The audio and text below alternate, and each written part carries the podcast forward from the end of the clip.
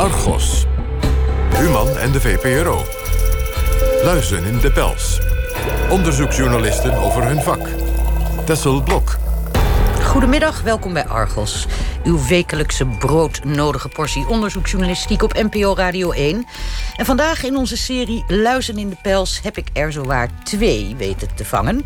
Welkom uh, Milena Holdert van Nieuwsuur. Jij hebt hier eerder bij mij aan tafel gezeten. En uh, Ressen Dahan uh, van Trouw. Dankjewel. Uh, ik zeg Ressen, maar de mensen zouden jouw naam kunnen kennen heel anders geschreven, namelijk als Gassan. Gassan Dahan. Dat is waarmee jij je stukken ondertekent. Ja. Dus dat mensen nu denken, ressen, ressen. die weten nu het gaat om Gassan. Exact. Dat ziet u staan in de krant. Oké. Van Trouw. Jullie hebben samen een flinke periode van het afgelopen jaar onderzoek gedaan naar staatsgeheimen, namelijk naar dit. In dit programma weten we maar gedeeltelijk welke goederen het zijn. We weten niet aan wie ze geleverd zijn. De goederenlijsten zijn geheim. Het onderzoek dat gedaan is, is geheim verklaard. Het maakt nogal een verschil of zo'n of zo'n groep een ambulance gekregen heeft... dan wel een gepantserd voertuig. Ook willen Kamerleden weten aan wat voor rebellengroepen leverde Nederland de goederen... en hoe gematigd zijn die eigenlijk. Ik heb geen definitie ontvangen van wat uh, gematigde uh, rebellen precies zijn. En ik wil bijvoorbeeld kunnen controleren of deze groepen um, volgens degenen uh, die het conflict in de gaten gehouden hebben, zich schuldig gemaakt hebben aan bijvoorbeeld oorlogsmisdrijven. Hoe loopt die steun nou door aan de zogenaamde gematigde uh, krachten in Syrië? Welke groepen dat zijn, zou ik ook graag willen weten. Want we weten allemaal dat die gematigde krachten helemaal niet zo gematigd zijn. Laten we wel zijn, hoeveel gematigde, echt gematigde rebellen zijn er nog in Syrië? De gematigde oppositie, met aanhalingstekens. Ons bereiken via de mediaverhalen dat Al-Qaeda... de zogenaamd gematigde oppositie in, Syrië, in Syrië compleet aan het opslokken is. De meeste zijn radicaal, salafistisch en jihadistisch. Maar het ministerie van Buitenlandse Zaken weigert informatie over de gesteunde groeperingen prijs te geven. Uit veiligheidsoverwegingen maakt het kabinet geen informatie openbaar... waaruit kan worden afgeleid welke groepen door Nederland worden gesteund... Want het zo precies ingaan op waar westerse steun eh, wordt eh, verleend... Eh, maakt eh, deze groepen tot een belangrijk eh, doelwit voor IS... of het Assad-regime of, of andere extremistische groepen. Milena Holwert en Ressen Dahan. Fijn dat jullie er allebei zijn vandaag. Jullie hebben, wat ik net al zei voor Nieuwsuur en Trouw... meerdere verhalen gemaakt over die steun die de Nederlandse regering gaf aan Syrische strijdgroepen. Die volgens het kabinet gematigd waren. En uh, ze zeiden ook, ze krijgen alleen non-letale middelen, zoals dat heet. Dus uh, voedsel en voertuigen. Um, Ressen, eerst even aan jou. Hoe kwamen jullie, uh, wat bracht jullie erop om dit te gaan onderzoeken? Wij hebben lange tijd. Er zijn een aantal onderwerpen die ik en Milena ook gewoon volgt op een. Die volgen we op een afstand. Uh, die kunnen soms van elkaar verschillen. Maar dit was een thema of een onderwerp wat we vaker waren tegengekomen. Maar op een, ook echt op een afstand volgden. Namelijk wie worden gesteund door Nederland. En het programma bestaat al een aantal jaar. Dus op een gegeven moment uh, wisten wij, we wisten al, dat werd al snel aangegeven, dat er dus niet bekend werd gemaakt welke groeperingen nu precies werden gesteund door. En dat uh, triggerde al meteen jullie nou, dan nieuwsgierigheid? Je, nou, die, zeker. Dan, dan word je al in ieder geval nieuwsgierig van wie zullen die groepen wel niet zijn. Uh, nou ja, uh, dan ben je eigenlijk bezig met je eigen werkzaamheden, en zij ook. En op een gegeven moment kwam er een statistiekje vrij die de regering zelf had prijsgegeven, namelijk over. Toen werd er gespecificeerd wat de goede, hoeveel geld naartoe is gegaan. En gespecificeerd om wat voor goederen het ging. Nou, het ging om 6 miljoen euro aan voertuigen, 1,7 miljoen euro aan, aan, uniformen, et cetera. Dus toen wisten we, dit is genoeg informatie uh, voor ons om dit onderzoek op te zetten en te gaan beginnen. Want wellicht kunnen we op basis van deze getallen wel degelijk achterhalen om welke groepering het gaat. Want, Milena, het, deze, dit programma, dit steunprogramma, of die steun, dat, dat is staatsgeheim. Ja, dat, het was. En, het is, hoe begin je daar in vredesnaam aan? Van dit staatsgeheim ga ik eens eventjes lekker. Nou ja, het, uh, het heette toen nog geen staatsgeheim. Het was wel geheim of vertrouwelijk. En Kamerleden hadden ook uh, meerdere keren gevraagd aan de minister. Maar wat is nou precies het rubriceringsniveau? Is het nou staatsgeheim of een gewoon geheim? Want daar heb je allemaal verschillen in. Maar daar was eigenlijk nooit antwoord op gekomen. Maar, en... heel even, daar heb je verschillen in. Heb je dan verschillen in als het dan gelekt wordt in straf? Of is het ook daadwerkelijk... Ik bedoel, Nou ja, iets is eh, geheim of als is je- niet geheim. Je bent niet een beetje zwanger. Nou, er zit inderdaad verschil in, in straf. Maar je je hebt ook bijvoorbeeld eh, vertrouwelijke stukken... die worden vertrouwelijk aan Kamerleden eh, laten zien. Maar, en, en je hebt ook weer stukken die zo staatsgeheim zijn... die alleen naar de commissie stiekem gaan... of bijvoorbeeld naar een select clubje Kamerleden... of helemaal nooit. eh, dus je moet wel een beetje weten waar je mee te maken hebt. Maar het was inderdaad wel geheim. Maar dat was juist ook wel een reden waarom we dachten... als het zulke gematigde lieve groepen zijn... en zulke onschuldige goederen... waarom is het dan allemaal zo geheim? Dus Mhm. dat was juist eh, voor ons een reden om te denken. Dat is juist extra interessant om dat, Dat geheim... ik. Maar eh, hoe pak je dat dan aan? Waar begin je? Want je had dus, zei Reste net al... we wisten nu in elk geval een bedrag... en we wisten om welke goederen het ging. Nou ja, we dachten... Wat voor soort goederen? Wat voor soort, wisten sorry, we wat voor soort goederen, ja. Ja, nou, wat je wel weet is dus als het eh, zo'n om geheime documenten gaat, is het ingewikkeld om even aan een ambtenaar te vragen om, om ze je te geven. Hm. Dus je moet het op een andere manier achterhalen. En we- begonnen eigenlijk op een hele verkeerde manier. We dachten dat we via de goederen bij de groepen uit konden komen. Ja. Dus we dachten, nou, als we nou gaan, gaan zoeken naar allemaal producenten van voertuigen en uniformen. om- En dan gaan, kunnen we vragen: hebben jullie misschien nog een, eh, eh, een, een extra opdracht gehad dit jaar? En eh, om hoeveel uniformen ging het dan en waar gingen die heen? Maar het bleek al eh, snel dat die spullen werden natuurlijk heel, door Nederland heel goedkoop geregeld in de buurt van Turkije aan de grens met Syrië. Die werden niet vanuit Nederland. eh, dat is veel te nee, duur allemaal. ja. Maar, ehm, dus, maar we begonnen eigenlijk verkeerd. Ehm, en steeds eigenlijk door trial and error kwamen we steeds beter op, een, op het pad wa- wat wel uiteindelijk tot die groep. En wat, welk, welk pad kwam je dan terecht? Nou ja, ehm, we, Wat, eh, zijn- ik bedoel, wat zijn jullie toen gaan doen? we, wel, we dachten. een doodlopend spoor was? Nee, we dachten dat in ieder geval, eh, als het om. Dus via de goederen lukte het dus niet. Dus toen dachten we, nou, dan gaan we toch maar eens naar die groepen kijken. En er was wel een soort circuleerde een lijst van groepen die in ieder geval steun hadden gekregen eh, van Amerika. En we dachten, nou, Nederland zal vast toch wel een beetje Amerika volgen. Dus we zijn gewoon die groepen die daar genoemd werden, die gingen we gewoon zoeken op allerlei verschillende kanalen, social media kanalen. En dan Want hoe doe je dat dan, Ressen? Precies, die gingen we gewoon zoeken, gingen we gewoon Nee, ja, contacten. Hier is een telefoon, we bellen nou, een groep. Hoe het doe is, je dat? Het is inderdaad heel moeilijk, want er zijn echt honderden groeperingen actief in Syrië. Dus, dus als je nou iedere groep achter, eh, gaat onderzoeken, dan ben je een paar jaar verder. Eh, dus wij gingen naar het kijken naar eerst die lijst van Amerikanen. Dat was een shortlist eigenlijk die voor ons is gemaakt. Want we dachten inderdaad op basis van Nederlands gedrag in het verleden... weten we dat ze Amerikanen volgen, maar nooit zoveel risico's nemen als de Amerikanen. Dus eh, wij wisten ook, we hadden nog een ander aanknopingspunt. Er was een vertrouwelijke brief gestuurd naar de Kamer op 22 januari van dit jaar. Dat was ook een aanknopingspunt voor ons. En dat was, we weten niet wat er in die brief staat, maar de datum was voor ons heel veelzeggend. Want dat was namelijk de dag dat eh, Turkije Noord-Syrië binnenviel, samen met een aantal Syrische rebellengroepen. en Afrin. En Afrin. We wisten wel dat het onderwerp te maken had met de Nederlandse steun aan de Syrische rebellen. En dat er sinds vanaf die datum is er hulp gestopt. Dus wij wisten dat op dat moment.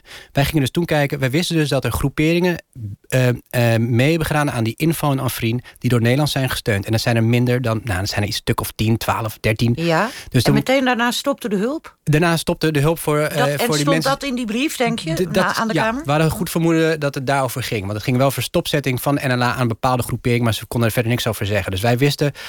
Dus de, de shortlist wordt nog kleiner. Er zit dus een groepering tussen die paar, ja, 10, 15 groepen... die dus heeft deelgenomen aan die strijd en dus door Nederland is gesteund. Dus daar begon eigenlijk...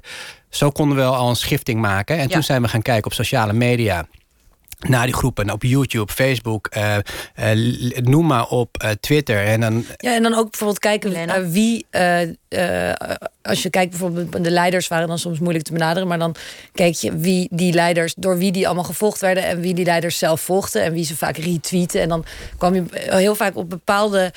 Eh, ja, een soort lokale activisten, ja. journalisten die dan heel en die die daar een netwerk hadden en eigenlijk de telefoonnummers hadden van iedereen. Dus dan ging ik bijvoorbeeld die eh, eh, een bericht schrijven en zei ik ja, ik kom uit Nederland en ik, en ik weet niet zoveel van Syrië. En dan ziet, zag hij ook zo'n foto van een blond meisje. En dacht, nou ja, dat is hartstikke leuk. Dan ga ik even mee praten. En dan ehm, ik- Onschuldig. ja, en dan, eh, en dan vroeg ik, mag, ik, mag ik je even bellen? En dan zei ik, ja, hier is ook mijn collega journalist. En, eh, en die, kan ook, die spreekt ook Arabisch. En dan, Ja, nou, dat is een fijne bijkomstigheid Ja, dat was inderdaad eh, een hele ja. fijne bijkomstigheid. En, en zo, dan vroegen we, ja, ken je misschien die leider? Heb je zijn nummer? En zo kwamen we steeds verder. En voerden we allerlei gesprekken van, dus een, met een klein onderofficiertje of een activist. En dan werd, dat leidde steeds hoger naar uiteindelijk dan de leiders die... eh, Daar kom, kwam je uiteindelijk wel uit. ja. Ja. verbazingwekkend Het, ja, eh, duurde, het moest, Het lijkt me zo gek om zulke gesprekken te voeren, omdat je eigenlijk dan toch niet echt weet wie je aan de andere kant van de lijn hebt. Wat Nee. voor soort mensen, wat ze op hun geweten hebben of niet. Zeker. Eh, hoe, hoe betrouwbaar hun verhalen zijn of niet. Hoe Ja. je dat rest? En dat lijkt me ontzettend moeilijk in te schatten. Ja, het, het, het, het, het viel uiteindelijk wel mee. Want kijk, zij wilde ook natuurlijk weten wie wij waren. Dus zij zocht ons op en ze wilde... Het werkt eigenlijk op voordracht, op basis van vertrouwen. Je hebt eerst de onderofficier en die brengt steeds meer contact met steeds hoger iemand. En op een gegeven moment, we wilden wel gaan checken met wie we te maken hadden. We wilden ook echt, we wisten ook ehm, wie de leiders waren en hoe ze eruit zagen, hoe hun stem klonken. We zochten bewegende beelden van ze. ging eh, expres met ze skypen, zodat je ze ook kon zien. via WhatsApp video. We hebben met z'n video eh, gesprekken gevoerd. Dus dat we echt konden identificeren. Is dit de persoon eh, die tegenover staat? Is dat de persoon die die zegt dat die is? En dat was eigenlijk in alle gevallen eh, eh, Maar was het zo. Ja, we hebben ook natuurlijk heel goed gevraagd... Van, als, je, als iemand zei, ik heb steun uit Nederland gekregen... dan zeiden we, ja, straks zegt hij Nederland... maar bedoelt hij Duitsland, want die landen worden nog, Ja, ja. wel eens door Ja, elkaar... Denemarken, ja. dus we Ja. hebben echt alleen maar... want we kregen ontzettend veel verhalen... we hebben echt alleen maar die gesprekken en groepen gebruikt... die ons echt zulke specifieke informatie konden geven. Namen van Nederlandse ambassadeurs... namen van medewerkers van buitenlandse zaken... die wij inmiddels kenden, maar die zij op geen enkele manier k- konden verzinnen. En eh, details over de geleverde goederen, foto's, eh, eh, overdrachtsbewijzen. We hebben zoveel mogelijk eh, ge- documenten en informatie gevraagd. En alleen maar als iemand dat allemaal kon leveren, hebben we de groep genoemd. Zo, je bent goed streng voor jezelf. Dat moet natuurlijk ook. Ongelooflijk arbeidsintensief ook. Ja. En ik kan me ook voorstellen, dat wordt natuurlijk wel vaker gezegd, dat je als je zo streng selecteert, zo selectief bent, wat nogmaals goed is, dat er ook dingen zijn die je tot je spijt moet laten vallen, omdat je het niet op alle fronten die je jezelf gesteld hebt, hè, op alle, dat het niet op alles scoort. Ja. Ja, is Absoluut. dat veel Ja, dat is wel gebeurd? voorgekomen, ja. We hebben wel dingen gehoord. we hadden eerst een, we hadden een, uiteindelijk een lijst met allemaal goed. Dat waren geloof ik een stuk of 15 Ja. groepen. En toen dachten we, oké, dit zijn ze. En toen, en toen zeiden we, oké, nu moeten we nog één keer alle criteria voor onszelf. Al die groepen weer even langs die criteria leggen. En toen vielen er echt heel veel af. Ontzettend veel. Dat we echt elkaar aankijken. Op welk punt? Nou, dat we dus bijvoorbeeld dat ze dan eh, wel eh, eh, een naam konden noemen, maar niet echt precies een periode. En dat ze toch dat er een bepaalde. Ja, dat één criteria bijvoorbeeld wel één criterium gold.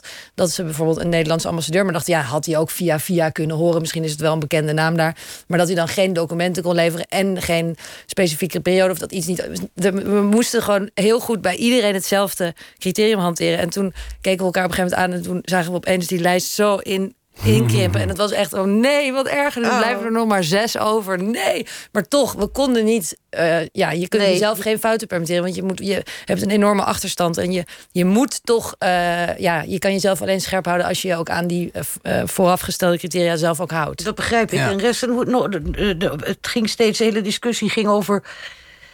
gaat het om gematigde groeperingen of niet? Wat sowieso al een moeilijk begrip is. Ja. Dat wilde ik jullie ook vragen. Hoe, wat voor invulling gaven jullie daar zelf aan? Het is een waardeoordeel Ja, het is absoluut geeft. een waardeoordeel. Wat wij hebben Dus gedaan. hoe konden jullie zelf inschatten... waren dit nou gematigde of niet? Ja, het, is- het, is, het is een totaal waardeoordeel. Is wat wij hebben gedaan. Dat is eigenlijk ook een criterium wat wij onszelf hebben opgelegd... die je eigenlijk niet, niet hadden hoeven doen. We hebben, het enige wat we hebben gedaan is... we hebben gevraagd aan, de, aan buitenlandse zaken... wat is jullie criterium van gematigde rebellen? Toen zeiden ze, dat bestaat uit drie criteria. Eén, dat ze niet samenwerken met extremistische eh, groeperingen. Dat ze geen oorlogsmisdaden plegen. En dat ze een inclusief eh, Syrië nastreven. Dus wij hebben eigenlijk bij de beoordeling van of ze Inclusief een democratisch... Ja. eh, ja oké. dus we hebben bij de beoordeling van of ze gematigd zijn of niet, hebben we eigenlijk de criteria gehanteerd van buitenlandse zaken zelf. We hebben eigenlijk continu buitenlandse zaken eh, onderworpen aan haar eigen lat of aan haar eigen maatstaven. En toen kwamen we eigenlijk al heel vrij snel tot de conclusie dat de maatstaven die zelfs buitenlandse zaken eh, eraan geeft, dat die niet overeenkomt eh, met wat eigenlijk is gecommuniceerd Ai, aan de ai, Kamer. ja. Hebben jullie ook nog overwogen om zelf naar Syrië te gaan? Naar Syrië zelf niet. Nee, nee naar Wel Syrië naar zelf- Turkije. Wel Ja. naar Turkije, ja. En daar zijn jullie ook geweest? Nou, we hadden alles geregeld. Een hotel geboekt en een vlucht en zo. eh, maar we moesten alleen nog even wachten. Maar de, volgens de, zo heet dat dan, zo'n fixer die dat voor je regelt. De, eh, ehm, was alles, eh dan zouden we wel een journalistiek visum kunnen krijgen. Maar dat op het allerlaatste moment kregen we allebei individueel een afwijzing. Van de Van hoge hand is Turkse het, overheid. zonder opgave van redenen is het, is ons, oh, eh, en daar, niet- nou ja, niet, oh, als hè? jullie ooit nog eens tijd hebben, misschien de moeite waard om eens erachter Ja. te komen waar dat vandaan ja, kwam dan. ja, we weten niet waar het dan kwam. Het was eh, wel een, een domper, een tegenslag. Maar het heeft ons niet van weerhouden om verder te gaan. En om toch uiteindelijk antwoorden te vinden. Ja, Tur- Turkije werkt natuurlijk ook samen met een aantal van die gewapende Syrische groepen. Dus die had waarschijnlijk geen zin in een pottenkijkers. En die hadden misschien ook wel gesprekken gehoord. eh, en dachten, nou laten we, laten we die maar niet Ja. hierheen laten komen. Maar eh, ja, dat was wel jammer. Want wij hoorden steeds als we dus via de telefoon die gesprekken voerden, zeiden heel veel Syriërs dat ze eigenlijk meer informatie hadden. Maar ja, dat ze ook bang waren afgeluisterd te worden. En kom hier, kom, naar, kom hierheen, dan kan ik je veel meer geven. Dus wij dachten dat er misschien ja, daar nog veel meer was. En ook qua documentatie en zo. En, En dat, dat, kreeg, dat kon dus niet. We konden er niet En, heen. en ook als je iemand persoonlijk spreekt, face-to-face... dan is het natuurlijk altijd Natuurlijk een enorm ja, voordeel. Ja, dat is zo. Eh, want anders is het toch iets onpersoonlijks. En ehm, dan zijn mensen meestal toch bereid om meer te vertellen. Dus eh, het was heel jammer dat het niet is gelukt. Maar uiteindelijk heeft het... eh, Nou ja, het heeft, resultaat. ja. dat bedoel ik maar. En ik begreep ook dat er een moment is geweest dat er een bron ineens was die jullie een hele bulk aan bewijsmateriaal Ja. kon, kon leveren. Ja. Hè, zo in de schoot geworpen waar het niet dat daarvoor betaald moest worden. Ja. En toen? Nou, we wilden het heel graag natuurlijk. Want het- we, we- we wisten Lena? namelijk dat deze bron eh, echt wel heel veel informatie... want hij had echt zo... want hij wist alles. Hij, als, als er iemand informatie had, dan was hij het wel.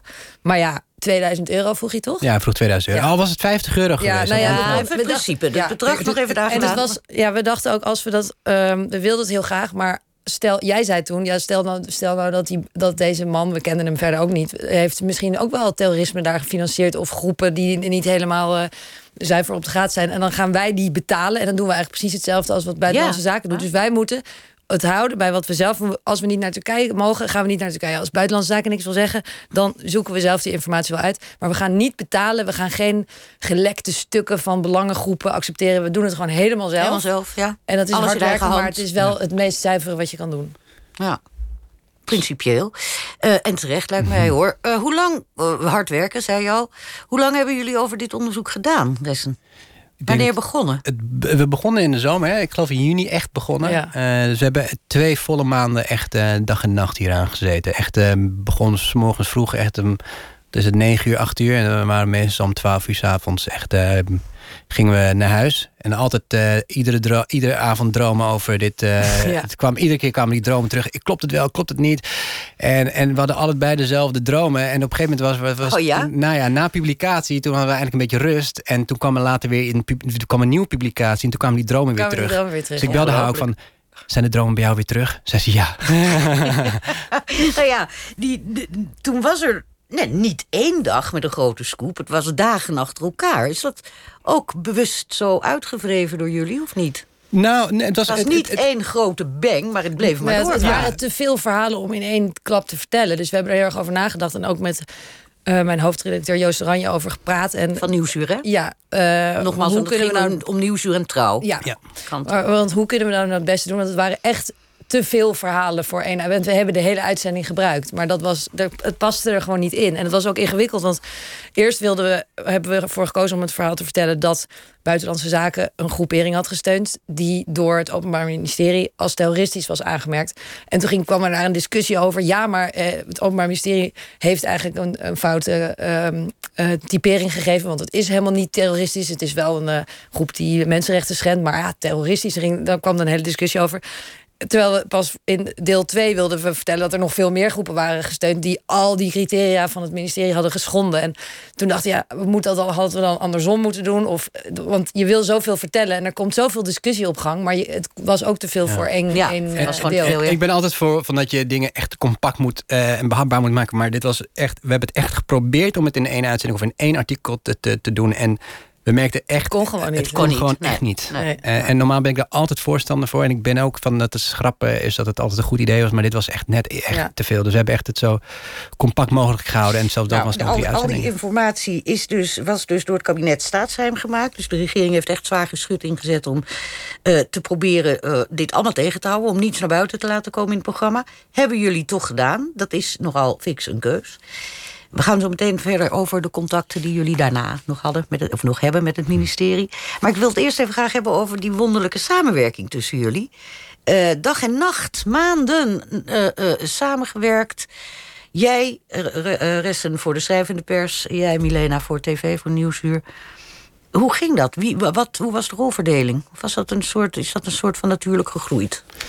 Ja, eigenlijk wel. Ja. En we deden eigenlijk gewoon Jullie allebei kennen elkaar alles. natuurlijk al heel erg lang, heel goed, hè? Ja, Ja. we zijn uh, Ja, van we- de middelbare schoolvrienden. Van het dertiende jaar. Eh, maar en dat was eigenlijk, we deden wel allebei alles. Want je, wil- je wil ook niet dat. Je wil ook alles weten. En niet dat je zegt, nou jij doet even Ja, die kant en ik die kant. Nee.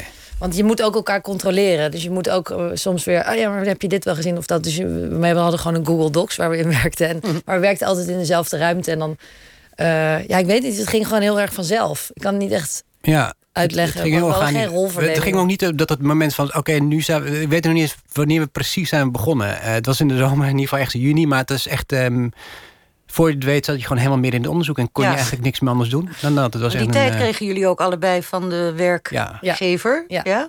Jazeker. Ja, heerlijk dat dat nog bestaat. Uh, Gassan, hoe zou je... Gassan, nou zeg ik het zelf. Ja, toch? Pressen. Excuses.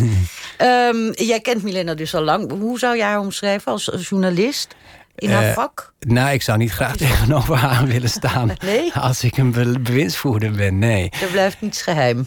Nee, dat is wel heel moeilijk, ja. Eh, zij is, eh, het is, eh, je hebt het good cop, bad cop eh, ding. Ik denk dat zij de bad cop was en ik denk ik de good cop. En het is niet zo geacteerd of daarvoor bewust gekozen. Gewoon het zo is. Ja, maar ik heb wel geleerd van dat het inderdaad wel heel goed is om door te pakken, eh, door agressief te blijven zijn. Ik, ik was soms voorzichtig. Ik wilde iets indirect eh, wilde ik achter dingen komen. En zij gingen direct eh, gewoon met gestrekt been in. En ik merkte toch wel dat het vaak toch wel heel veel opleverde. Een voorbeeld daarvan, dat gestrekte been. Nou ja, eh, bijvoorbeeld als we gesprekken hadden met eh, mensen uit Syrië, dan. ehm, dan eh, ik weet hoe ze vaak denken dat ze bang zijn voor, voor geheime diensten. En dat je dus bepaalde dingen op een indirecte manier Ja, kunt achterhalen. Heel omvloers, ja, precies. Dat je dus bijna met, via metaforen werkt, bij wijze van spreken. En zij, zij zat erbij van: vraag nu hoeveel geld hij heeft gekregen. Wat is die naam van die kartottenproject? Maar dan denk ik dat misschien dat het van een, het een geheime dienst of iets anders is. Vraag het. Oké, ik eh, dan stel ik de vraag en dan gaf hij nou, toch wel antwoord direct, wat je niet verwacht. Maar dat heeft ook te maken met het feit dat Milena Milena is. Eh, Ja. eh, heeft ook, eh, dus, dus het werkt uiteindelijk ontzettend goed. Ehm, En hoe zou jij eh eh eh, eh, resten beschrijven, Milena? Nou ja, hij heeft, hij heeft, Hij zegt het zelf ja, hij de zegt het zelf wel, ja, wel, want dat is Lieve ook wel schat weer goed. die het allemaal heel rustig doet. Ja, maar wel tegelijkertijd... Wacht tot iemand eens wat vertelt. Nou, en lief schat, dat zou ik niet willen zeggen. nee, maar meer dat... eh, want ehm, hij is heel goed in ehm, analytisch bekijken... eh, waar alle tegenstrijdigheden liggen, de hele tijd. Op alle niveaus. Dus bijvoorbeeld het hele idee om te denken... eh, nou, het ministerie van Buitenlandse Zaken heeft dus dit steunprogramma in Syrië. Maar hoe zit dat dan eigenlijk? Ehm, want eh, stel, ze steunen toch, programma, toch groepen die niet helemaal kosher zijn. Ehm, we hebben tegelijkertijd ook een openbaar ministerie... die allemaal burgers vervolgt voor eh, het zich aansluiten bij bepaalde groeperingen. Hoe zit dat eigenlijk? Hoe verhouden die twee zich met elkaar? Die twee ministeries, Ja, justitie en ehm, Ja, en ehm, buitenlandse zaken. ja, want eh, jij zei ook altijd: hoe kan het nou dat als dan het ministerie van Buitenlandse Zaken zegt: ja, ik wist het niet. En ja, het is toch ook allemaal zo'n moeras daar. En we deden maar, het waren goede bedoelingen, maar we wisten het ook niet. En dan zei Resnal: ja, maar bijvoorbeeld het meisje Laura H. Die Ja, eh, daar, ja. daar te- tegen haar werd gezegd: ja, eh, je kan, niemand kan zeggen dat eh, je naar Syrië gaat en niet wist wat daar gaande was. En, dat, en, en een meisje van, hoe oud was ze? Ze was Eh, 17 onder- of 16 ja, dus die, vertrok. die, die wordt dan wel gewoon, die moet wel voor de rechter komen. Dus, eh, en dat was, dit is maar een voorbeeld. Maar jij was, of Ressen, Ja, was dus de hele ja. tijd eh, aan het kijken. Ook, ook in bijvoorbeeld ehm Hans Pitten, die alle eh, dossiers door van Buitenlandse Zaken, maar ook van eh, het ministerie van eh, Veiligheid en Justitie of Justitie. Ehm, en dan, en dus alle stukken van de ministeries die over Syrië gingen. Want Veiligheid Van en Justitie, jaren. ja, die moet, Veiligheid en Justitie moet ook altijd bekijken voor asielzoekers, bijvoorbeeld hoe veilig het ergens is of waar dan de erge groepen zitten. Om de hele tijd te kijken, hè, maar hier zit een tegenstrijdigheid, maar hier staat dit en hier staat dit. Dit kan niet kloppen. En door de hele tijd op zo'n manier ernaar te kijken, dis- destilleerde hij daaruit dus eigenlijk het verhaal. Die tegenstrijdigheden continu, die dus niemand meer. Of het ene klopt niet, of het andere. Dus ze zaten sowieso in een fuik. En dat is eigenlijk de kern van het verhaal geworden. U luistert uh, naar Argos. Bij mij in de studio zitten Milena Holdert van Nieuwsuur... en Ressen Dahan van Trouw. En het gaat over hun onderzoek de afgelopen maanden... naar Nederlandse steun aan Syrische strijdgroepen.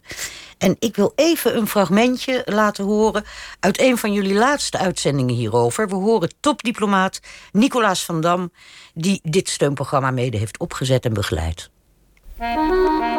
U was degene die bekeek welke groepen daar als gematigd golden. Ja. En op welke manier deed u dat? Nou, ik heb de meeste van die commandanten ken ik, die heb ik ontmoet. Maar dat, als iemand recht in de ogen kijkt, weet je nog niet of die natuurlijk helemaal gematigd is of niet. ging u dan af op wat de Amerikanen en de Britten daar bijvoorbeeld deden? Nee, we hebben onze eigen bronnen. Via allerlei kanalen uh, konden we een goede inschatting maken hoe die verschillende groepen ervoor stonden. Het is een kwestie van vertrouwen, want je weet niet of ze daarna andere dingen gaan doen dan wat je hebt afgesproken. Wat voor vragen stelde u dan om, om vast te stellen of ze daadwerkelijk gematigd waren? Ik heb niet gezegd, denk, ben je seculier of zo? Je zou kunnen zeggen, je kunt een lijst maken van, uh, met criteria... maar in de praktijk werkt dat niet. Dan, zeg je, dan heb je bijvoorbeeld 100 criteria en dan zeggen ze, doen ze daaraan. dus als je stopt ze in een computer, nou die is niet gematigd, die is wel gematigd. Zo werkt dat niet. Bovendien, het verschuift continu. U werkte niet met criteria? Ik heb ja, natuurlijk wel met criteria, maar niet met lijstjes van... nou, uh, zijn ze seculier of niet? Uh, zijn ze ooit is uh, aanhangers geweest van de moslimbroederschap. Zo werkt dat niet. hoe deed u dat dan? Welke criteria hanteerde u dan? Wel? Nou, je gaat kijken naar bepaalde groepen... en dan ga je kijken, zijn die acceptabel of niet? En, en hoe, wat was dan acceptabel? Ja, nee, dan ga je toch weer vragen van wat zijn precies de criteria. Maar we moeten toch op een of andere manier kunnen controleren... hoe u dat gedaan heeft. Ja, dat moet u aan de minister vragen. Nicolaas van Dam hoorden we hier, topdiplomaat. Milena, hoe ging dat interview? Het klonk ongemakkelijk, maar het lijkt alsof hij wel wil... maar steeds weer denkt, oh nee.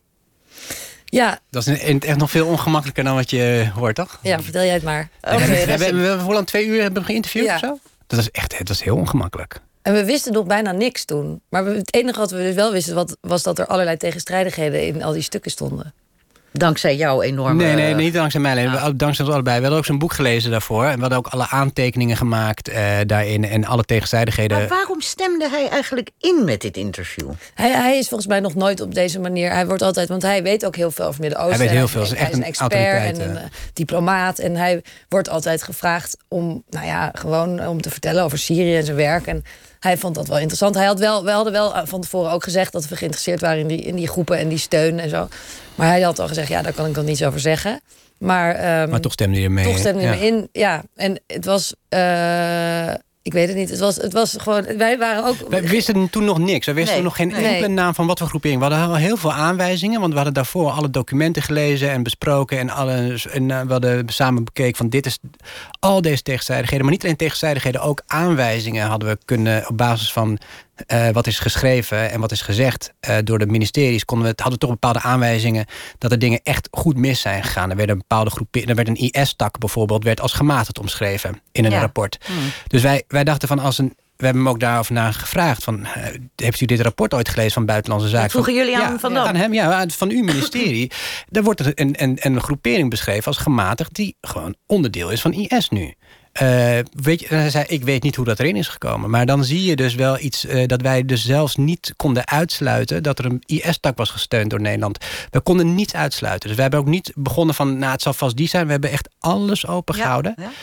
En op basis van het gesprek toen wisten we wel van dat een aantal dingen, vermoedens die wij hadden, op basis van de dingen die we hadden gelezen, bleken inderdaad zo te kloppen. Eh, namelijk dat een aantal zeer radicale groeperingen, en deze terminologie gebruik ik niet alleen zelf, maar ook het ministerie van Buitenlandse Zaken zelf heeft het gebruikt. Bijvoorbeeld voor een groepering heet Agrar al-Sham, dat is een jihadistische beweging. Jihadistisch, ja? Ja, en dat, eh, die beweging ehm, ehm, werd op een gegeven moment als eh gematigd omschreven. En, en dat was in februari 2016. En we hadden dat ook opgeschreven. Van hoe komt het dat het toen opeens als gematigd omschreven? En toen stelde die vraag. En toen zei van ja, iedereen, alle groeperingen die bij een conferentie in Riyadh... in de Saoedische hoofdstad aanwezig waren in december 2015 die hebben de stempel gematigd gekregen vanaf die periode. Die hadden een of andere overeenkomst ondertekend. Wij zijn nu gematigd en toen waren ze dat. Het was een, een politieke soort van... Ja, je zou, ja, dit was operatie... De bek valt echt open. Ja, wij, ja, van ons ook. Van ons toen, ook, ja. toen we het lazen. En toen, toen we naar vroegen bleek dat inderdaad allemaal te herleiden. Het was maar hij vond het zelf naar... ook eigenlijk heel raar, Van Dam. Maar hij voerde het wel uit. Maar hij vond het eigenlijk ook heel vreemd. Wij, wij vroegen hem ook, van, ook wel. Van, deze groepering die, die plegen zelfmoordaanslagen. Ziet de Taliban als voorbeeld. En et cetera. U gelooft toch niet werkelijk zelf dat, dat, dat ze gematigd zijn? Zei hij van nee, ik geloof er zelf ook geen bal van, zei hij. ja, dus dan zaten wij van... Toen keken we ook even elkaar aan, geloof ik, van ja, het was heel onwerkelijk. Het, heel, het was heel onwerkelijk. Maar je ja. merkte ook heel erg aan het interview hoe, er, hoe er een groot gat er bestond tussen eh, de uh, realiteit in wat er in de Tweede Kamer wordt verteld door de ministers, wat dat allemaal criteria zijn en dat het heel goed gemonitord wordt. En als je dan praat met degene die het uitvoert, die eigenlijk helemaal niet eens precies weet welke criteria er allemaal beloofd zijn. En ja, die zegt, nou ja, kom op. Uh, die, die was meer van, van, het idee, ja, je maakt toch vuile handen. En ja, zo werkt het nou eenmaal. Hmm. Maar dat, dat kwam helemaal niet overeen met wat de Kamerleden te horen hadden gekregen. Nee. Jullie hebben in eerste instantie al je informatie gewoon uit Syrië gehaald. Hè, bij de strijders zelf eigenlijk. Ja. ja. Uh, maar jullie hebben het wel geprobeerd om ook via het ministerie het een en ander te weten te komen. En dan hebben we daar de WOP, de Wet Openbaarheid Bestuur. Um, hoeveel WOP-verzoeken hebben jullie gedaan? Acht. Acht. En hoeveel zijn er beantwoord op tijd? Nul. Nul. Nul. Er zijn geen enkele is Nee. op tijd beantwoord. Eentje is eigenlijk in zijn geheel, eentje sowieso in zijn geheel niet beantwoord. Daar wilden ze, dat was alles staatsgeheim van, geloof ik.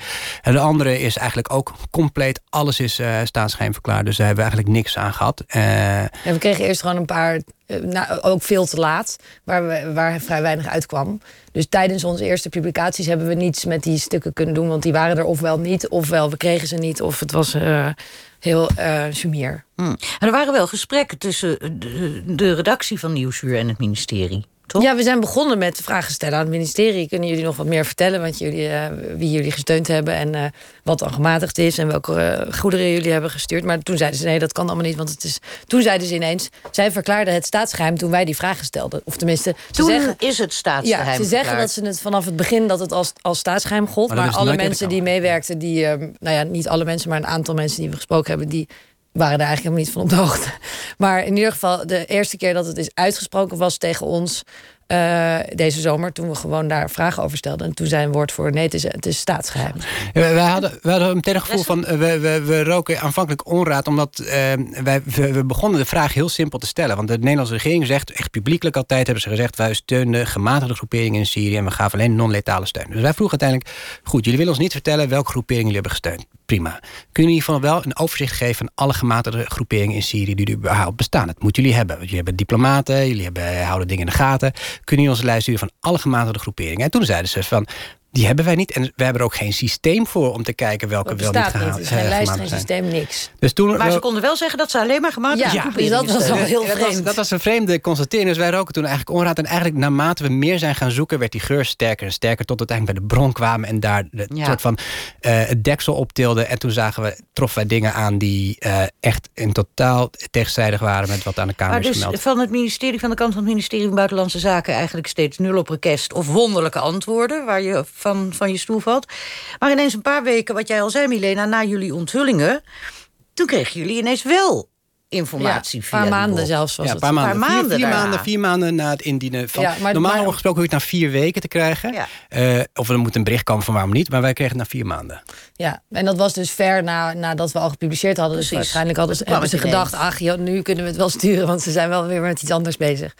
Maar toen kwam het ineens. En het waren 2000 pagina's bijna.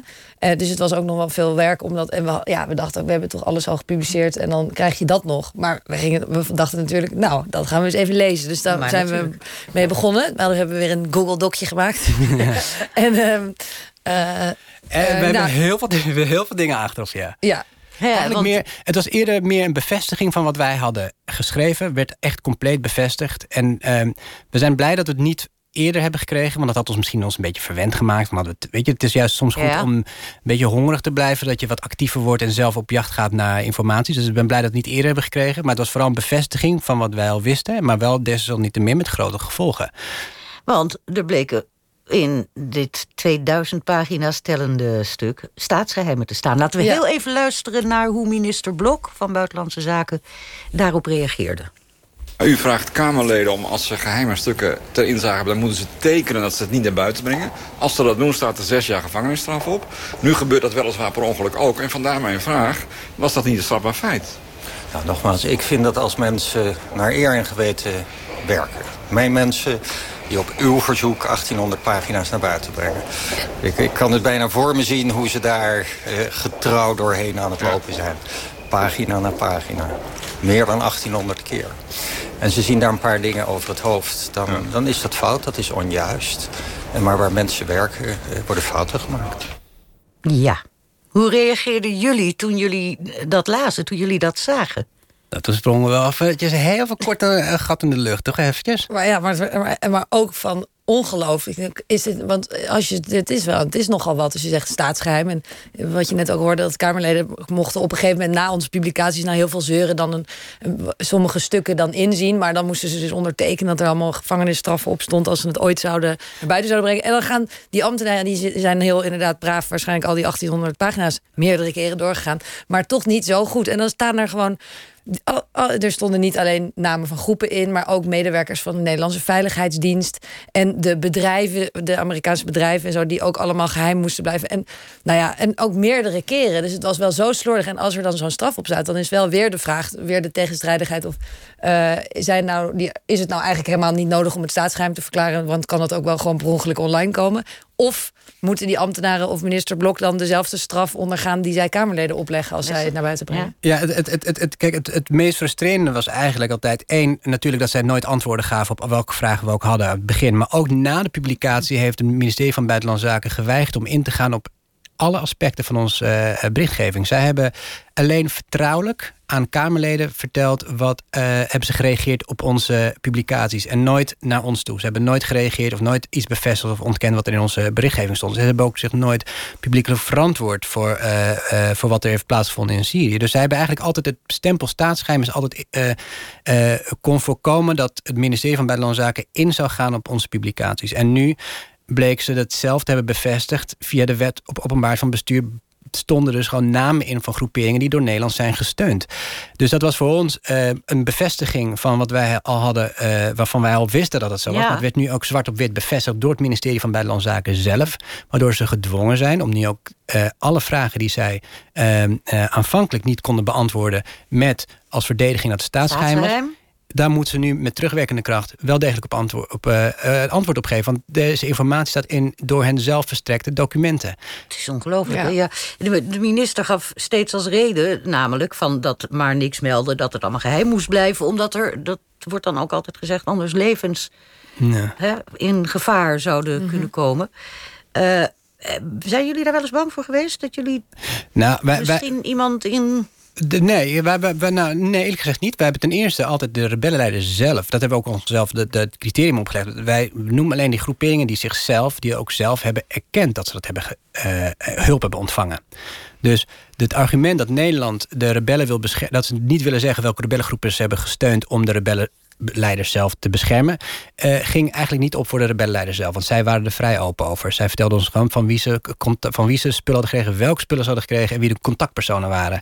Dus het, bleek, het, het, het lijkt erop dat Nederland zich meer zorgen maakt om de veiligheid van de rebellenleider dan de rebellenleider zelf. Dat was een hele vreemde constatering. En we hebben, de rebellenleiders wisten ook dat ze met journalisten spraken. Maar zou het, maar zou, zou het inderdaad om de levens van die rebellenleiders gaan? Of zou die iemand Nou, anders in zijn hoofd hebben? Ik zou niet weten wie, maar Nou ja, dat weet nou, je toch nou, niet? nee, maar je kan natuurlijk heel snel, je mag heel snel, je kan gewoon zomaar als eh, secretaris-generaal zeggen. eh, we maken dit ministerie. staatsgeheim. Ja, gewoon als hoogste ambtenaar kan gewoon op een, eh, op een donderdag, op een regenachtige donderdag zeggen: Zullen we eens even dit stuk tot staatsgeheim verklaren? Oké, en dan is dat zo. Dus niemand kan dat controleren. Maar je kan natuurlijk ook zeggen: Ja, dit is een beetje een eh, gevoelig dossier. Laten we dit maar even staatsgeheim opzetten. Dat zou kunnen. Want wie weet nou of het echt goed. Ja, wat zijn de criteria daar dan weer voor? Dat, is heel, dat kan je helemaal, helemaal niet controleren. Maar de minister zei steeds: ja, die, deze groepen komen in gevaar als uh, er naar buiten komt dat zij Nederlandse spullen hebben ontvangen. Want dan wordt Assad zo boos en ISIS zo boos. Nou, dan komen ze in gevaar. Maar die groepen hadden allemaal YouTube-kanalen met hun naam en gezicht. En Waar ze zeiden: ha, wij staan nu voor dit slagveld en we gaan nu ISIS aanvallen. We gaan nu Assad aanvallen. Dus dan denk ik, dan hebben zij wel genoeg reden om die groepen uh, te vinden en uh, misschien vervelend te vinden. En of ze dan een, een pick-up truck van Nederland hebben gekregen, maakt dan niet zo heel veel meer uit. Dus dat argument was, ja, wij konden op geen enkele manier, hadden wij het idee dat dat hout sneed. Het argument zou wel opgaan voor één soort groep een soort groep um, dat, is, dat ze wel in gevaar zouden komen als achter zouden komen dat zij als publiek, als publiek zou worden gemaakt dat zij steun kregen van Nederland. Dat zijn de echte radicale groepen. Dus uh, uh, die zouden wel in problemen kunnen komen als, uh, als zij steun hadden gekregen van Nederland. Omdat zij dicht vooral als ze dicht tegen Al-Qaeda aanschurken, dan zouden ze wel een probleem kunnen komen. Uh, en dat zou, dus wij dachten ook van die ene groepen die dus echt. Mm -hmm. Maar laten we hopen dat het niet zo is. Dat Nederland die groepering, groepering niet heeft gesteund. Dat kunnen wij niet uitsluiten. Maar dat hebben jullie in elk geval nu nog niet kunnen staven met nee, dat dat zo is. Ja, misschien nee, op basis van de uitspraak van minister Blok zou het dus wel uh, uh, voor de hand kunnen liggen. Hoe bedoel je? Nou ja, als hij zegt dat, dat ze in gevaar komen... de enige groepen die in gevaar kunnen komen... zijn de echte radicale, radicale groepen, zijn. Die, die, die, het zelf, die hun banden met westerse regeringen geheim houden. Die ja. zouden inderdaad uh, uh, gevaar kunnen lopen. Maar als wij die hadden gevonden, dan weten we niet hoe we daarop hadden, wat we ermee hadden gedaan uh, direct. Uh, maar en, en, maar, maar dat is de enige in elk geval, dat is de enige groep op wie het zou kunnen slaan, wat ja. jullie betreft. Maar andersom maar vragen we, wij ons wel af van uh, de, de vraag eigenlijk ook omgekeerd gesteld moeten worden van heeft dit programma misschien zelf ook niet geleid tot dat het de mensen. steunprogramma bedoel je? Ja, het steunprogramma heeft dat niet zelf ook mensenlevens op het op het spel gezet daarmee, want ze zijn de spullen die zijn geleverd aan de, aan de rebellen zijn gebruikt op het slagveld. En veelvuldig. En ook, en ook met en ook de specifieke woonwijken en bedoeling. burgers. En... Dus uh, ja, uh, en bovendien, het, kijk, de Nederlandse regering heeft dat gezegd dat het, een, dat het om gematigde groeperingen ging. En dan dat het een onschuldig programma was. Dus ja. ik, uh, ik zie niet zo snel in wat de, als dat echt zo is, wat, wat dan het nu, gevaar Wat zou gaat er nu eigenlijk, eigenlijk gebeuren? Want jij zei net al, kijk, staatsgeheim is onzin nu. Nu uit een stuk van het ministerie zelf staat met naam en toenaam van alles en nog wat in. Dus dat ja. is onzin. Er moeten nu antwoorden gaan komen. Gaat dat, gaat dat gebeuren? Ik bedoel, je kan iemand niet... Ja, er komt nog een, nu weer opnieuw een debat. Want er is dus een debat gevoerd. Maar dat debat kon eigenlijk niet gevoerd worden. Want dan zeiden de Kamerleden... ja, je hebt groep X gesteund en groep Y. En dan zei de minister Blok... ja, dat kan ik niet uh, bevestigen nog ontkennen. Dus dat viel steeds dood. Uh, en dan ging het maar de over... ja, de pick-up trucks. Waarom hebben jullie pick-up trucks geleverd? Want daar kan je heel makkelijk vanaf schieten. En jullie zeiden toch dat het zulke onschuldige goederen waren. Maar ja, nu staan er dus uh, meerdere groepen in die stukken. En een van die groepen, dat is ook meteen ja, een groep die uh, wel wel betrokken was bij de beschietingen op de Koerdische woonwijk Sheikh Maksoud, maar ook bij de inval in Noord-Syrië in Afrin, waar ze ja. samenwerkten met de Turkse overheid. En ook een groep die sharia-rechtbanken runde en die door het Openbaar Ministerie dus als terroristisch is aangemerkt. Nou ja, Ver, ver, verkrachtingen van, uh, van vrouwen. En uh, daar zijn, worden ze allemaal door uh, de mensenrechtenorganisaties... die het ministerie van Buitenlandse Zaken zelf altijd aanhaalt... wordt deze groep genoemd in, in verband gebracht met allerlei mensenrechtenschendingen. En die groep staat meerdere keren in die stukken. Dus ja, minister Blok kan natuurlijk nu niet meer zeggen... Dat, dat die groep niet gesteund is. Of ja, ik kan, hij kan niet meer zeggen: ik ontken nog, ik nog bevestigen dan dat hij gesteund is, want het staat in zijn eigen stukken.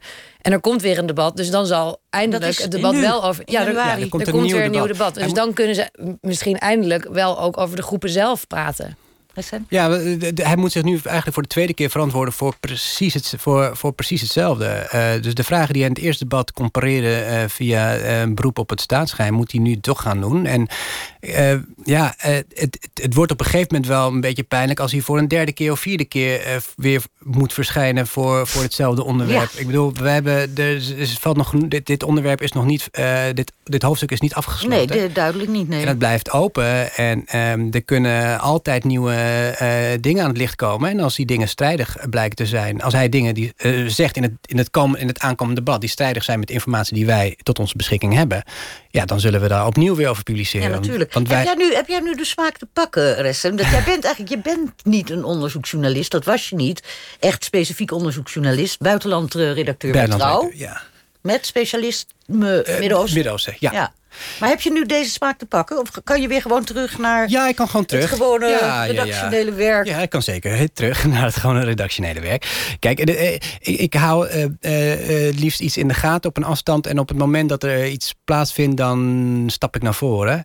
dus ik zal zelf niet um, fulltime onderzoeksjournalistiek doen, maar wel er zijn een aantal onderwerpen die, uh, van een aantal onderwerpen die ik uh, goed in de gaten hou op, dezelfde, op een afstand. En op een gegeven moment dat daar iets komt, zoals bij dit onderwerp. Dan sla je toe. Dan sla je en toe. Dit, dit onderwerp hou je natuurlijk sowieso ja, vast. Zeker, Ja. zeker. En Milena, jij werkt al een tijdje bij Nieuwsuur. Ik zei al, je bent hier al eens eerder geweest. Toen ook met een, met een partner.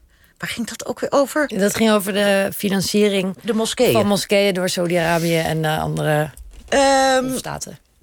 Wat, wat, je bent, jij bent wel echt onderzoeksjournalist hè, bij Nieuwsuur? Ja, sinds ongeveer een jaar. Ja. En dat vorige verhaal heb ik samen met de NRC Handelsblad. Ja, met en nu met Trouw en niet met Nieuwsuur. Dan moet je me toch ook even uitleggen. Niet met Nieuwsuur? Nou ja, je werkt Niet- niet met... met je, ja. je, doet het, je zoekt een partner. Ja, hè, je vindt nee, een partner ja. om mee te werken... maar die vind je kennelijk niet bij Nieuwsuur... maar bij Nou, de, jawel, dat kan ook. Maar de schrijvende pers. Het, bij, bij kranten heb je wel vaak mensen die eh, echt een eh, dossier dragen.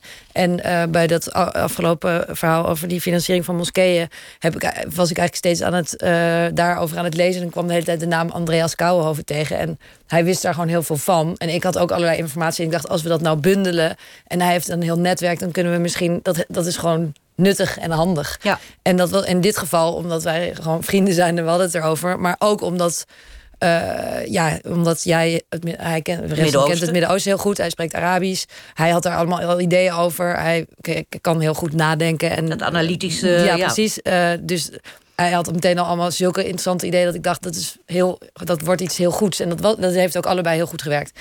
Maar En- ja, ik kan ook gewoon met... eh, ik, ik krijg gewoon ver, nu weer alleen verder, denk ik. Ja, nee, natuurlijk. Ja. En maar de, de, eh, de- dat onderzoeksjournalistieke werk vinden ze wel heel belangrijk hè, bij Nieuwsuur. Heel dat wordt belangrijk, daar, ja. Je wordt daar enorm in gesteund. Ja, ja, de hoofdredacteur Joost Oranje is zelf onderzoeksjournalist geweest bij NRC. En die heeft heel veel, ook, ook bij Nova, heeft eh, heel veel verhalen gemaakt. En hij vindt dat echt heel belangrijk. En hij is er ook gewoon heel goed in. Dus het is ook heel fijn om onder hem dat te doen. Omdat hij je heel erg alle tijd geeft en ruimte. Maar ook heel goed inhoudelijk meedenkt. En als je dan vervolgens publiceert en je krijgt allemaal eh, dingen over je heen... dan staat hij ook helemaal achter je. En weet hij precies waar het over gaat. En op de juiste momenten doet hij het, het, het juiste. Dus dat is echt eh, heel fijn. En ook dat hij inderdaad nooit je ophaast. Of zegt het moet nu. Of ik wil nu publiceren. Hij wil gewoon echt dat het goed is. En, Ja. geef je daar, en hij kiest daar echt voor. Hij heeft gewoon een paar mensen gezegd.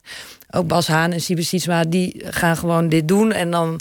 Nou ja, daar, daarmee eh, zet hij ook gewoon Nieuwsuur heel goed eh, op de kaart. Want ik vroeg, ik vroeg dat Resten jou ook al eerder in de uitzending... dat jullie de ruimte en de tijd kregen van, van de bazen, van de eindredacteuren. Dat krijg je dus ook bij Trouw. Dat is best bijzonder als een buitenlandredacteur ineens zich zo maanden stort op iets heel anders. Ja. Ja, nee, tuurlijk, tuurlijk. Ja, nee, absoluut. Dat Je was moet geen er wel, probleem. eh, eh, Hij moest er meer om zeren. ja, misschien wel. Maar je moet er gewoon, eh, ja, je moet er ook een beetje voor vechten om de tijd te krijgen. Dat, dat is denk ik ook wel heel goed voor. ehm, om dat op te eisen, dat is denk ik ook goed. En eh, op een gegeven moment eh, dan, ja, dan gaat het vanzelf. Ja. Omdat als je dan met die eerste eh, ja, belangrijke. Eh, eh, ja, wij, wij hadden bijvoorbeeld vrij snel een groepering in het vizier. die ook had bevestigd, had bevestigd eh, eh, on the record had bevestigd dat ze steun hadden gekregen van Nederland. Ja, dus dan, dan komt de tijd en ruimte uiteindelijk vanzelf. Natuurlijk, ja. Anders, anders werkt hij gewoon in zijn vrije tijd. Doet hij het alsnog als hij voor diensten wordt ingezet. geloof Nee, nee. Jawel. Ja, echt waar? Ja, hij zit echt- eh, de hele tijd al zijn vrije tijd daarvoor in te zetten. Ja. Jij hebt Milena ook nog een tijd eh, op, in Den Haag rondgelopen, hè? Voor Ja. Nieuwsuur. Eh, heeft dat iets te maken nog met onderzoeksjournalistiek? Den Haag? Ja, ja, omdat er altijd wordt gezegd... eh, de waan van de dag zo snel, je hebt de tijd niet... eh, Ja, dat is ook wel een beetje flauw. Want er worden natuurlijk ook wel in Den Haag ook hele goede verhalen gemaakt. Maar het is, in Den Haag gaat het natuurlijk heel erg ook over het politieke spel. Dus je kan ook wel zeggen, ja, we gaan daar het onderzoeksjournalistiek doen. Maar je bent ook de hele tijd bezig met debatten. En ehm, politici die vallen, die ministers die vallen. En politici die ruzie met elkaar hebben. En coalitiespanningen. En dat, dat, dat is heel, daar, daar gaat Den Haag eigenlijk Ja. over. En ehm Nieuwsuur heeft een heel kleine redactie, dus dan is het moeilijk. Maar, maar ook daar, we, we hebben ook nog over Kajsa Longeren laatst. We hebben ook uh, WOP-verzoeken ingediend en zo. En ook vanuit de NOS wordt, uh, zijn er ook mensen die dat doen. Um, en natuurlijk ook van allemaal andere kanten en andere media. Maar het is gewoon vaker in Den Haag wat meer inderdaad. Uh, wordt er meer gekeken naar het spel en minder naar, naar dit. Maar ja, je moet, dat, dat, dat is toch ook heel belangrijk om. Om die politieke verslaggeving, dat is ook gewoon... Nee, maar vanzelfsprekend. Ja. Nu ook natuurlijk. Als dit debat, want dat gaat dus over een paar weken plaatsvinden. Ik mag aannemen ja. dat jullie daar... Ja, Gaan jullie daar, daarheen? daar zijn we zijn bij. Jullie daarbij? Ja, daar zijn we bij. Ja, zeker, ja. Ja? Ja. En uh, een scoop te verwachten van een van jullie... die helemaal los staat van dit dossier... waar jullie zo druk mee bezig zijn geweest. Ja, en als dat zo is, zeggen jullie natuurlijk nu net als uh, minister Blok... Ja, nee, geen nou, scoops daar meer. kan ik helemaal niks over zeggen. nee, echt niet? nee, nee, waar, maar waar ben je mee bezig op dit Nou, moment nee, dat, dat uh, wil ik liever niet zeggen. Oké. en Ressen ook niet? nee, heel eventjes. Dit, dit is, dit, ik laat heel even dit, bij dit onderzoek. Uh, er zal in de toekomst nog wel iets plaatsvinden. Mm -hmm. uh, dus nog wel een, ja, dus wel een project wat me al lang bezighoudt. Iets wat uh, een ernstig iets waar, waar ik ook op een afstand volg. En waar ik wel altijd wel idee heb van als daar één ding naar buiten komt, dan zal ik daar wel op in willen springen, ja. Oké, okay, nou, ik wilde jullie uh, ontzettend hartelijk danken dat jullie hier waren. Milena Holdert van Nieuwsuur en Ressen Dahan van Trouw. Uh, heel veel succes. Blijf uh, de zaak volgen. En zodra jullie iets te melden hebben... dan horen wij dat natuurlijk ook ongelooflijk graag van jullie hier in Argos.